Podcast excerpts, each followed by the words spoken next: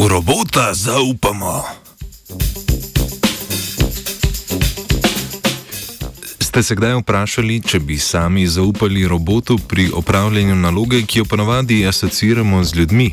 Bi mu morda zaupali z načrtovanjem vaših popolnih počitnic na Balju?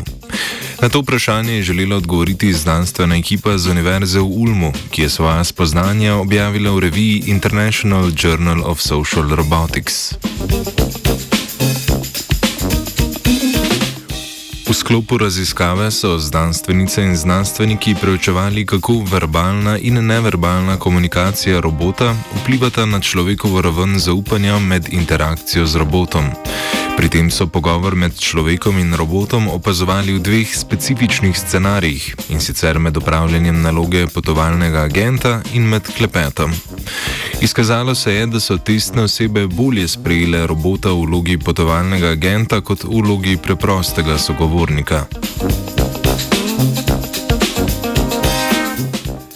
Pomemben vpliv na zaupljivost človeka pa so poleg vsebine pogovora imeli še tri vidiki sama inicijativa in pogled robota ter potek vsebine pogovora.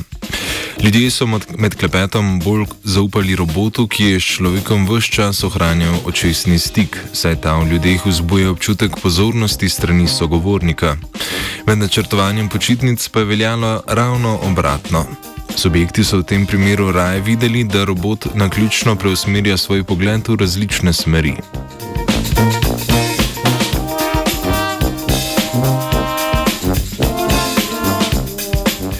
Tudi samo inicijativnost robota je imela očiten vpliv na človekovo zaupanje, vendar le v primeru načrtovanja počitnic.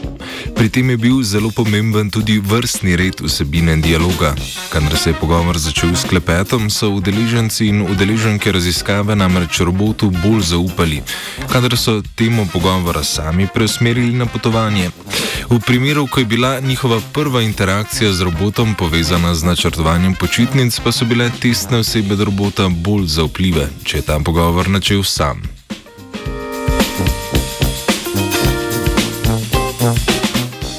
Stopnjo zaupanja udeležencev in udeleženk je znanstvena ekipa pridobila s pomočjo standardiziranih vprašalnikov. Te so subjekti izpolnili štirikrat: pred prvo interakcijo z robotom, po obeh dialogih ter po končanem eksperimentu. Ker uporabljen robot sam ni dovolj avtonomen, da bi bil sposoben naravnega pogovora, so testne osebe med eksperimentom sledile že vnaprej pripravljenim scenarijem.